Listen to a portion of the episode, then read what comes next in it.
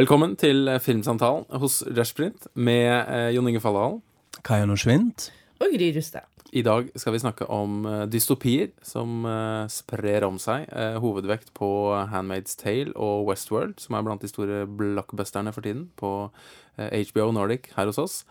Eh, og en del andre eh, trender og tendenser på eh, i serier og film.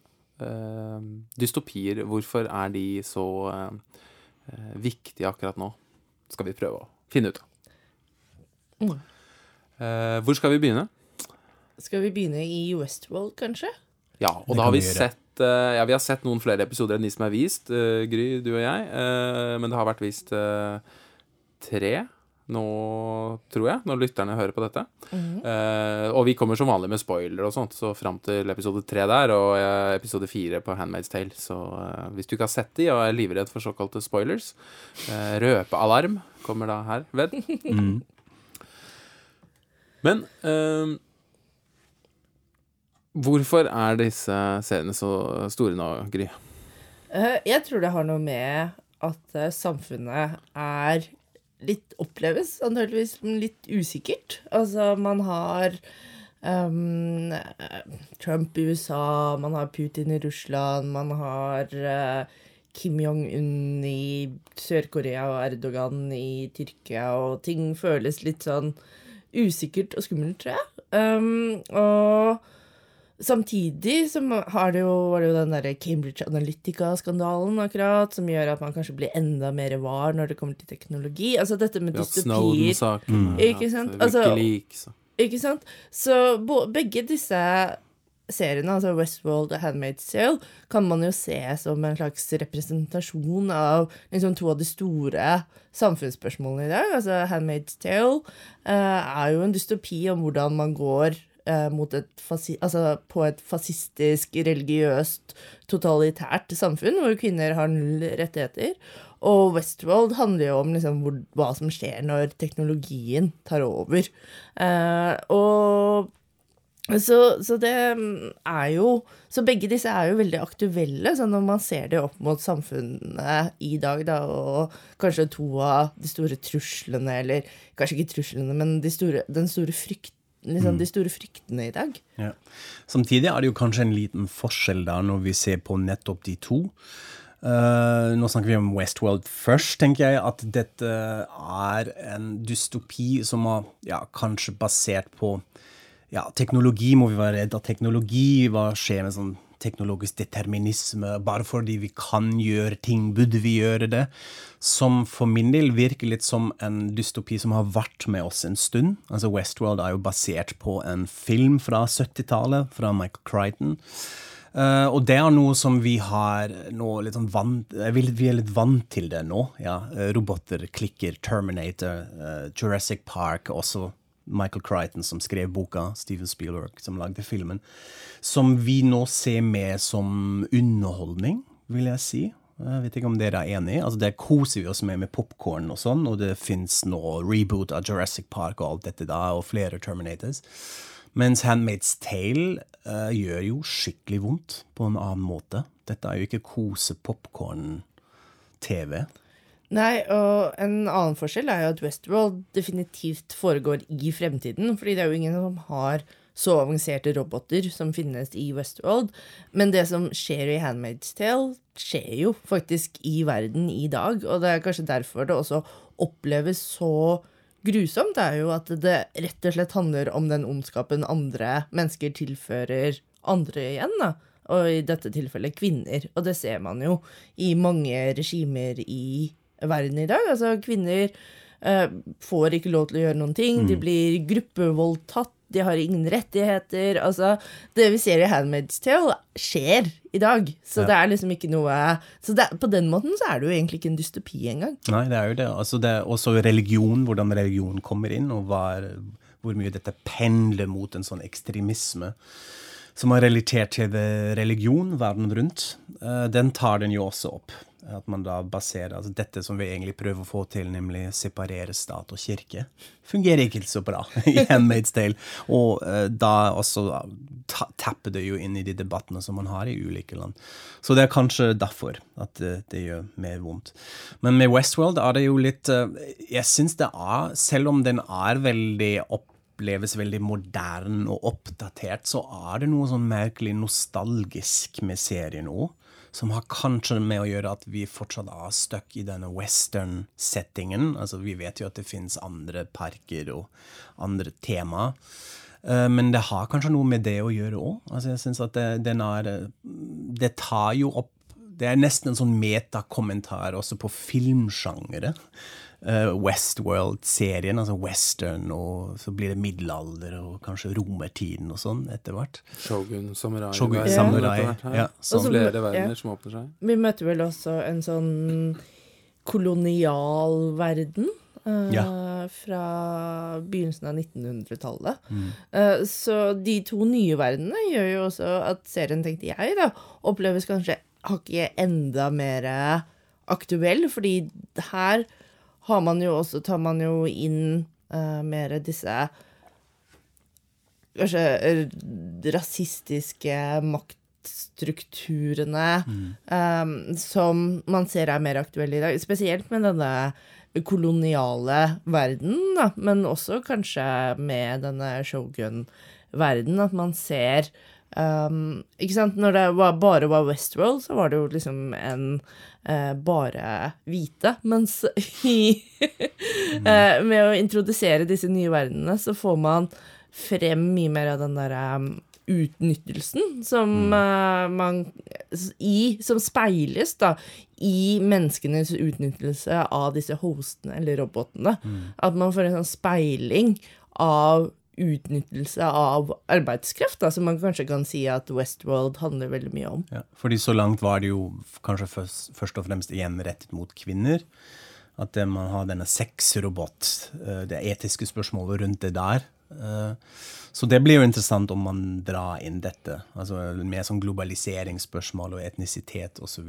Så sånn er det jo på en måte litt i den 70-tallsfilmen. Eh, selv om det, da leker man nok mer med dette. Oh, man kan ha sex med disse robotene, og er dette riktig, osv. Men det blir ikke sånn sett en speil av samfunnet på den tiden. Eh, eller i hvert fall USA på 70-tallet. Eh, da er det mest preget av et sånn, ja ja, underholdningsindustri som er mm, beyond etikk og sånt. Så det håper jeg at Westworld beveger seg imot, altså serien. Eh, Fordi jeg syns det er bitte litt kjedelig, den eh, gimmicken så langt med AI og ja, ja, disse robo robotene klikker. Eh, Jeg kan ikke helt sånn full on engasjere meg for det. Ja, det er jo Du opplever det litt annerledes, gjør du ikke det, Gry? At uh, de har en mer agency denne sesongen? Altså, det det- vi har snakket om. Ja, altså. Første sesongen syns jeg også var veldig uengasjerende. Fordi jeg skjønte ikke helt hvem jeg skulle engasjere meg i da, av karakterene. Menneskekarakterene var litt sånn trash. Det var ikke så veldig, ikke så veldig hyggelige. Ja. eh, eller sympatiske eller interessante. Og disse hostene blir jo De er jo liksom blank slates, ikke sant? Fordi de kan jo bare programmeres.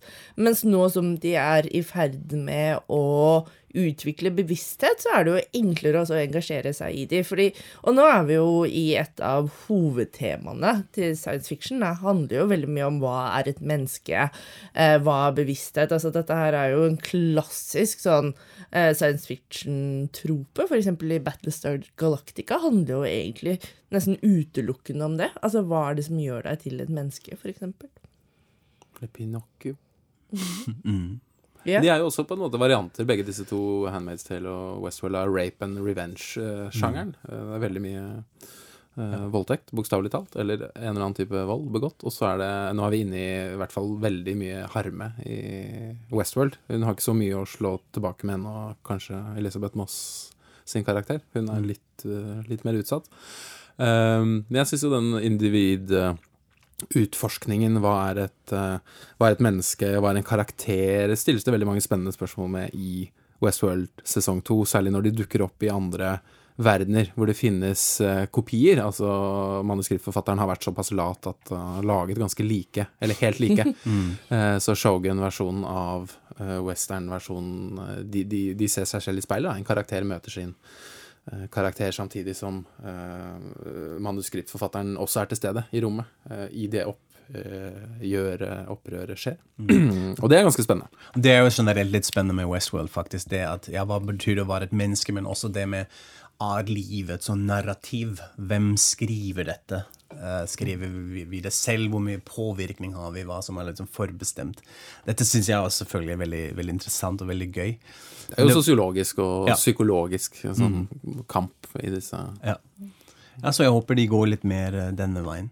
Men jeg er ikke så uh, sliten etter en Westworld-episode enn etter en Handmaid's Tale-episode. Eh, faktisk, det går jo ikke an å se flere uh, etter hverandre, i hvert fall for min del. Da ble jeg helt knust. Og det er jo en kritikk Handmaid's Tale har møtt også, er jo at veldig mange finner at den blir for mørk, det er for håpløst, det er for mye vold mot kvinner, det er, det er bare for mye mørke, da. Og det, det skjønner jeg jo, fordi det er jo vanskelig å se, men jeg tenker også litt sånn som vi snakket om i forrige podkast, om Utøya-filmen. Altså, det er jo verdt å se de mørke, vanskelige tingene. Eh, fordi når alt kommer til alt, så er det jo kanskje ofte det som faktisk betyr noe, da. Jeg er helt enig i det. Altså, jeg, at den gjør vondt, syns jeg er bra, sånn sett. Fordi uh, da viser du jo ok, her er det et litt sånn sår spot, som de heter. Det, det er faktisk vanskelig å se på. Vi kan jo snakke litt om hvorfor det gjør vondt. Uh, så vondt akkurat nå. Jeg synes Det som er litt interessant med Handmaid's Tale, er nesten et litt sånn, sånn estetisk tilnærming, uh, som jeg reagerer litt på i sesong to. Jeg syns de de skrur det på litt for mye med en sånn stilisering av denne stemningen. For eksempel altså denne åpningssekvensen i sesong to. Det er virker noe av det verste jeg har sett Ja. på TV. Uh, nå spoiler vi. Altså, offeret og gjengen skal straffes. Uh, De skal henrettes. De skal henrettes. Ja, det er det. og- ja, Ja. Absolutt. Så man tror de blir henrettet. Og de tror det òg, men det skjer ikke til slutt. Og det i seg selv er bare så utrolig grusom. Eh, men så legger man til Kate Bush, Uh, 'Woman's Work', eller hva låten heter. This Woman's Work. This Woman's Work, som har jo en egen sånn popkulturell kontekst. Altså jeg, blir veldig, jeg snubler litt over det. Jeg tenkte ok, wow, er dette jævlig smart eller utrolig irriterende? Fordi jeg tror den ble skrevet til en John Hughes-film, uh, 'She's Having a Baby', uh, hvor den scenen var litt sånn rundt en fødsel og så viser jeg alt det kvinner gjør, så jeg tenkte ah, det er interessant, men samtidig er den også så mye brukt. altså Den signaliserer noe annet. Og det syns jeg er en liten fare av serien, at man bare kjøre på. Det er litt sånn for mye på alle ledd. Eh, det er også veldig mye sånn ja, slow-mo og close-ups og ansiktet til Elisabeth Moss hele tida, og litt sånn stiliserte, litt kunstnere sekvenser. Og jeg, jeg syns ofte da, da kan det skje at jeg faller litt av, fordi scenarioet i seg selv og det som skjer, er så fælt allerede. Jeg trenger ikke litt sånn sirkus rundt. Mm. Så jeg håper at de toner det litt ned, eh, fordi jeg føler at den stiliseringen gjør noe med Den skaper en distanse til at vi er kanskje ikke så langt unna dette, egentlig. Jeg vet ikke om jeg overtolker her, men det er i hvert fall litt sånn eh, Kanskje det også da den, den kritikken går ut på, at det gjør for vondt, eller at det er et eller annet for mye med dette. Um, jeg har ikke hørt noe fra serieskaperne selv om de føler at man trenger sånne filmatiske virkemidler på en måte litt sterkere. At man kan ikke ha en sånn naturalistisk Michael Haneke-måte å iscenesette sånt. At man må nesten ha en liten buffer. Jeg vet at med popmusikken så ja. har man vel snakket om at det liksom kan fungere som en sånn utløp for publikum. Den brukes Altså, i åpningssekvensen så er det jo litt spesielt. Vanligvis legger jo, legges jo denne popmusikken på liksom mot slutten um, av episoder, men at den kan virke liksom som et pusterom, en sånn liksom frigjørende pusterom, da. Eh, fordi det er noe velkjent når man liksom er i denne forferdelige verden hvor man føler seg mm. mishandla av disse Med styret, da. Dette er utrolig misogonistiske, ja. patriarkalske styret.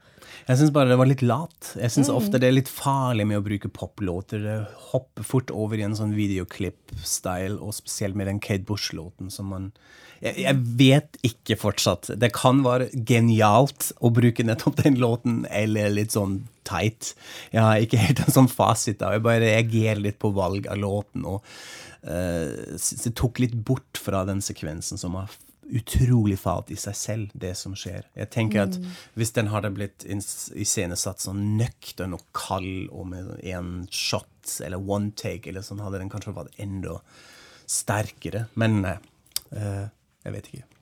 Kanskje Du som er um, noe annet, uh, Friends-forsker, og skal skrive bok om den, så sitter hun jo plutselig og ser på, finner en gammel DVD mm. eller et eller annet ja. på uh, Boston Globes mm. gamle kontor. Hva mm. tenker du om det? Ja, Det syns jeg var veldig fint. Eller det, det, var, det gjorde vondt også på en sånn spesiell måte, fordi Friends representerer jo da så mye annet. Altså nesten litt, litt sånn noe utopisk mm. sammenlignet med den dystopien som hun lever i. Jeg, jeg, tror de eh. fleste vil si at det er helt utopisk at de kan ha så fine leiligheter ja, i New York. Selvfølgelig. Eh, så mange pene hvite mennesker i, i et rom.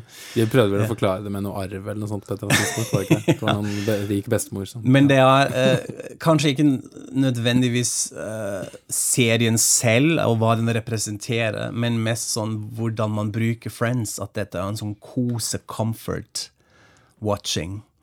Uh, som, Men de snakker også om female pleasure og sånn akkurat i det klippet. Det er Chandler ja, som blir lectured ja, on ja, uh, the female anatomy. Så handler det om mm. Og så er det jo rett før de vel har seg noe voldsomt uh, ja, riktig. i, i avisredaksjonen. Mm, og hun krever mer av den veldig slitne mannen som ikke orker mer. Og hun er også veldig trener og løper, og så det er en. Det er en kvinnekropp som mm. forsøker å finne seg selv igjen, på et vis. I, det er en veldig fin dramaturgi. En, en liten fri, fri, boble, da, som jo kanskje går over igjen. Vel? Nei, det er en veldig fin dramaturgi, akkurat det der. Uh, I den scenen hvor Monica liksom forklarer det Det fins syv erogene soner, og Chandler What? Så mange? Så da har man litt sånn på en måte en throwback til den gode, gamle tiden, uh, men samtidig uh, ja, også ja, representasjon av kvinner Eh, på i, sånn, i populærkulturen generelt, eh, og kvinnekroppen og sånn, som har en sånn do, dobbel. Men er det 90-tallet som er utopien tilbake i tid eh, nå, ja. i disse seriene, på et vis? da? Det der, var det da ting var bra, og så mm. begynte det å gå nedover? Ja, man kan jo tenke på det med sånne politiske serier. Altså På 90-tallet hadde jo Westworld, nå har vi House of Cards og Scandal, hvor mm -hmm. presidentene myrder folk. Uh, mens West, uh, West, West Wing, Wing ja, mente jeg. Ja. Uh, hadde man jo verdens mest perfekte president. Ja. Så kanskje det. Ja, og 24, for eksempel. Serien som virker nå fra en helt annen tid. Altså Keever Sutherland, og, som var sånn Bush-era. Uh, television som prøvde Ja, ja, det er fint med litt tortur så lenge vi får informasjon. Uh, men hvor man også prøvde å hinte på en sånn sympatisk presidentfigur. Eh, første svart president der mm. i, i, serien allerede. Um, så ja, men da det, det, blir interessant å følge med om vi får sånn uh, Hvor mye denne reaksjonen på Trump og sånt skjer etter hvert. Har de hatt noen innvirkning mellom disse sesongene av Westwell Westworld og Handmaid's Tale, som vel jo er skrevet og laget mm. uh, både da før og etter ja. Amerikas Handmaid's nye president? Tale kan man jo se det ganske tydelig, mm. ja. tenker jeg. Uh, og det var jo også en av de tingene som folk trakk frem da sesong én kom, var jo at den føltes utro, utrolig sånn timely. Mm. Um, så den traff jo veldig. Og nå merker man jo at det er mer uh, referanser uh, til liksom Trump og dette fascistiske regimet, og man ser uh, i disse tilbakeblikkene så blir det jo mer og mer tydelig. det er jo en episode som går tilbake og um, Eller flere av episodene går jo tilbake og handler om f.eks. homofili, og plutselig hvordan det ikke var lov lenger, og Uh, for eksempel at eh, June uh, må få mannens underskrift for å få skrevet ut prevensjon. Birth control, indeed. Mm, yeah. uh, så, så Og alle disse tingene er jo eh, hendelser, eh, eller eh, lovforslag, vi vet eh, er i USA, i forskjellige stater om dagen. Ja. Det syns jeg også, da, helt enig, i det er da det syns mest at de er noe veldig bevisst på det, at man kanskje legger litt mer vekt på disse flashbacks. Også fordi de har nå gått videre enn denne Margaret, Margaret Atwood-romanen.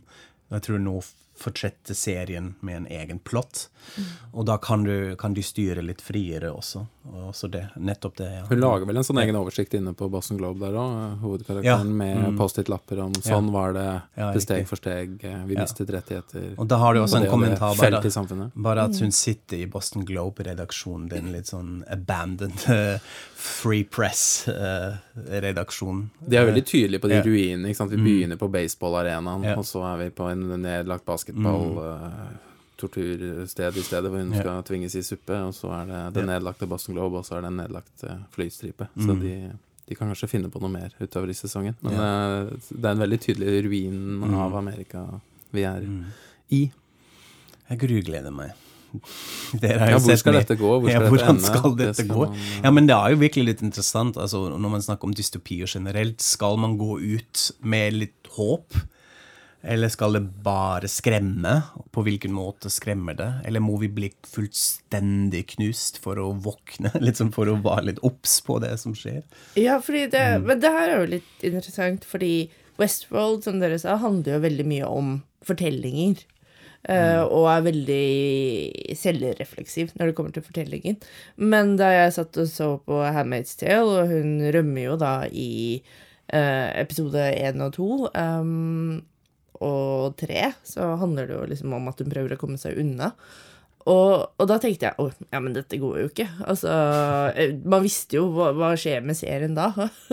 da har vi jo ikke noen serie. Så du visste jo egentlig at hun kom til å bli eh, tatt da, mot slutten av episode tre. Og episode fire handler jo da bare om at hun er totalt knust, fordi hun hadde det ene lille håpet. Altså sånn Tidligere så hadde, var hun kanskje ikke helt knust. Hun hadde fordi hun, Da hadde hun jo fremdeles ikke prøvd å rømme ennå, men nå hadde hun jo prøvd, prøvde hun jo å rømme, og så hva slags konsekvenser det fikk for folk som hjalp henne. Og hun, på slutten så er hun bare helt nedbrutt uh, igjen, og det er liksom ikke noe igjen av denne opprørstrangen. Så det blir jo spennende å se om hun finner den igjen. For nå, nå er hun, ak akkurat nå er hun jo på det laveste hun har vært. Ja, eller om vi blir tvunget tilbake litt sånn til, til det etter hvert som man har dette Opprøret. gjentagelse. Ja, mm. Time will show. Yes. Men det finnes jo også andre eh, serier nå eh, som eh, forsøker å kanskje kaste seg på denne bølgen, eller det kanskje har lenge vært en trend, og det er jo, skrives jo eh, kronikker og artikler rundt omkring i verden om dystopier, og vi sitter nå og snakker i en podkast om det.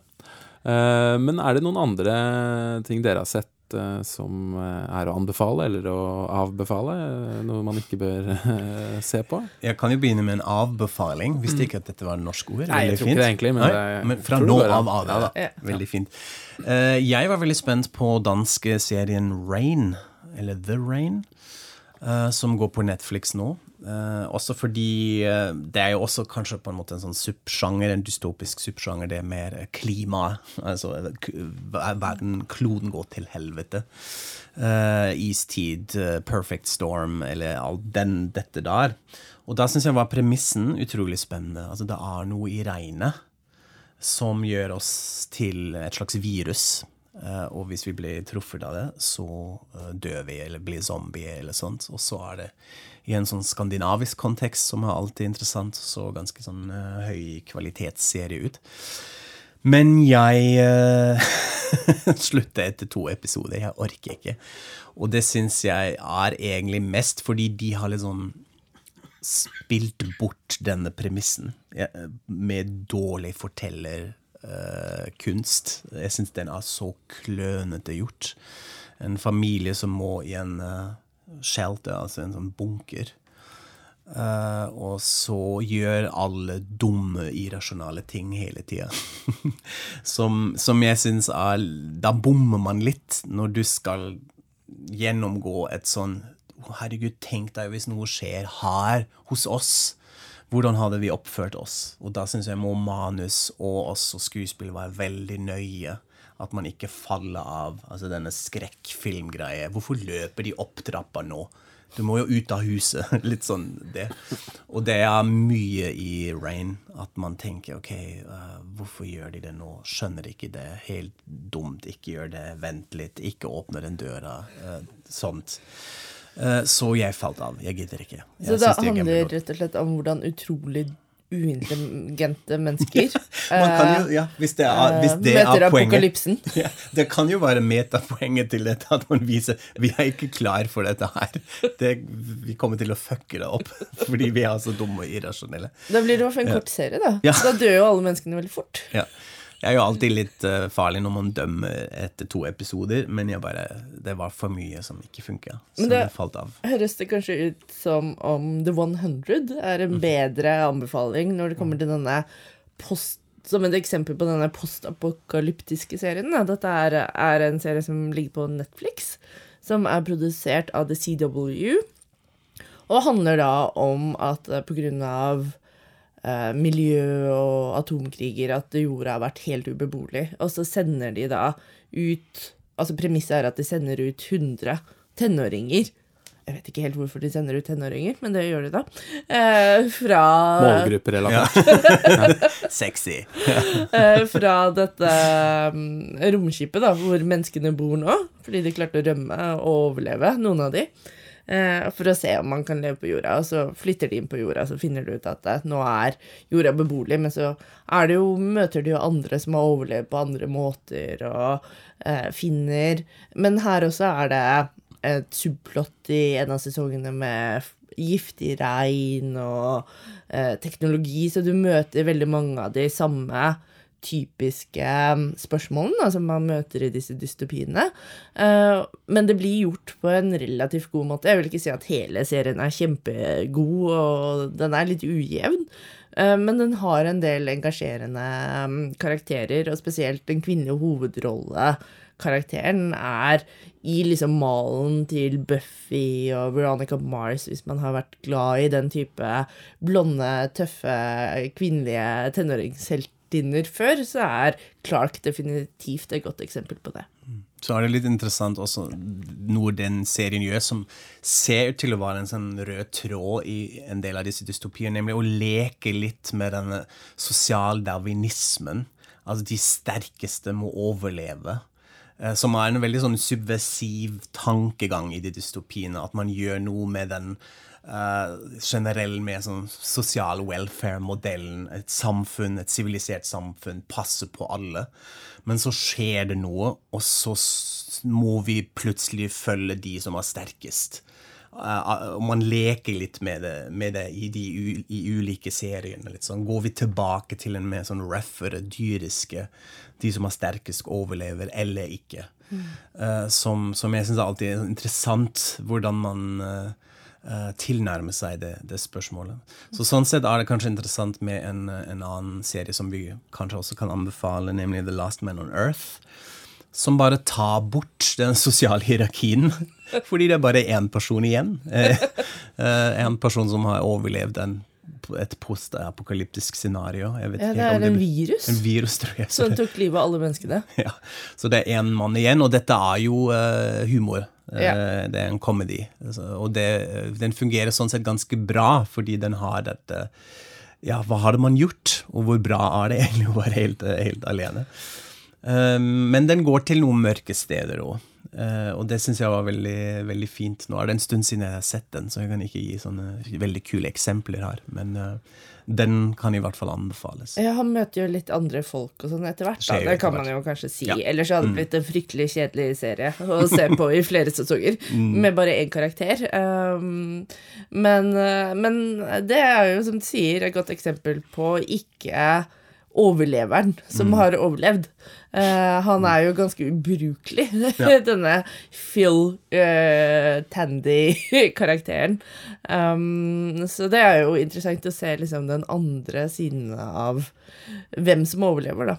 Mm. Ja, fordi det er også et sånn narrativ eh, man må Man blir plutselig veldig flink, og all det hand, hand, håndverk, ting som man plutselig kan og må lære seg, å bygge noe og uh, sånt. Det Men- fungerer jo ikke sånn i det hele tatt. Nei, her, her, ja. gjør man vel egentlig det de fleste av oss hadde gjort. Ja. Man flytter inn i de fineste husene uh, man kan finne. uh, og så raider man alle butikkene Butikker ah, fordi de, for det man har lyst på. og det, det er jo også noen sånne bilder hvor det er tydelig at de har raidet eh, museene og tatt med seg liksom den fineste kunsten. så dette her er jo kanskje mer som man selv ville levd, da. Så dystopi kan også være humor. Det kan også være komedie. Ja. det er jo mange sjangere som kan eh, brukes til det. Jeg syns jo den antologiserien til Charlie Brooker, eh, Black Mirror, som ligger på Netflix, eh, tar veldig god bruk av mange forskjellige fra horror til melodrama. Noen av de sterkeste episodene der er veldig melodramatiske. Veldig rørende episoder som handler om å bringe tilbake en eh, mann som er død, og forsøke å leve med roboten, og så finne ut at det kanskje ikke er så fint allikevel, eller forsøke å finne seg en partner, eller møte hverandre i evigheten gjennom en eller annen teknologisk eh, mulighet. Så den serien går jo litt sånn moralistisk gjennom noen litt sånn skole-fjernsynaktige C. Ja, dette kan gi oss eh, A, B og C-mulighetene, men D, E og F gjør at det kanskje ikke er så fint allikevel. Det er gjerne den arken på nesten alle episodene. da. Du kan sensurere bort eh, bjeffende bikkjer fra dattera di, men hun blir emosjonelt avstumpet og ender opp som en sånn goth som kliner til deg i trynet og løper fra deg når hun har blitt tenåring. Um, men en veldig god serie, syns jeg, som er eh, ja, alltid spennende hva du får, og der er det jo eh, den litt sånn rare sjangeren antologiserie, for det er nye skuespillere og nye stories eh, hver, eh, hver eneste gang. Men vi, jeg tenker vi nærmer oss avslutningen av denne podkasten, men vi trenger jo de sedvanlige anbefalingene om kanskje noe annet også. For nå har vi snakket mye om dystopier, så jeg har i hvert fall noen ting jeg tenkte folk kan få se, Da- som er da- aktuelt. Ja, Da kan jo du kanskje begynne, Jon Inge. Ja. Eh, jeg har sett noe så morsomt som en ny Adam Sandler-film eh, og Chris Rock, eh, The Week of, som er på Netflix. Som er en veldig gledelig overraskelse. Som handler om en eh, eh, familie som om en uke skal feire bryllup. Eh, og så blir huset til Adam Sandlers karakter en eh, ja, sånn arbeiderklassemann som ikke har så god råd, men som skal betale for bryllupet. Mens Chris Rock er en rik eh, hjernekirurg som tilbyr seg å betale, for han er far til eh, brudgommen. Eh, Men Adam Sandler setter sin ære i å fikse dette selv. Og selvfølgelig blir det litt sånn alene hjemme-aktig hus med onkler og bestemødre og gærne fettere og eh, mye fjoll og fjas og tull. Eh, Samtidig som det er ganske rørende scener hvor eh, far og datter danser til Billy Joel på bryllupet, som til slutt blir veldig fint hjemme i hagen og den slags. Eh, så eh, The Week of, en sånn god gammeldags komedie som kunne vært laget egentlig når som helst siden ja, 1980, kanskje. Eh, som man ikke ser så ofte. Det er ikke ja, det er ikke noe mesterverk eller noe sånt, men innenfor liksom, kino, film Som det jo ikke er, eh, men altså Netflix. Altså den, eh, den gode, gammeldagse 100 minutters eller 90 minutters komedien. Så er den å anbefale.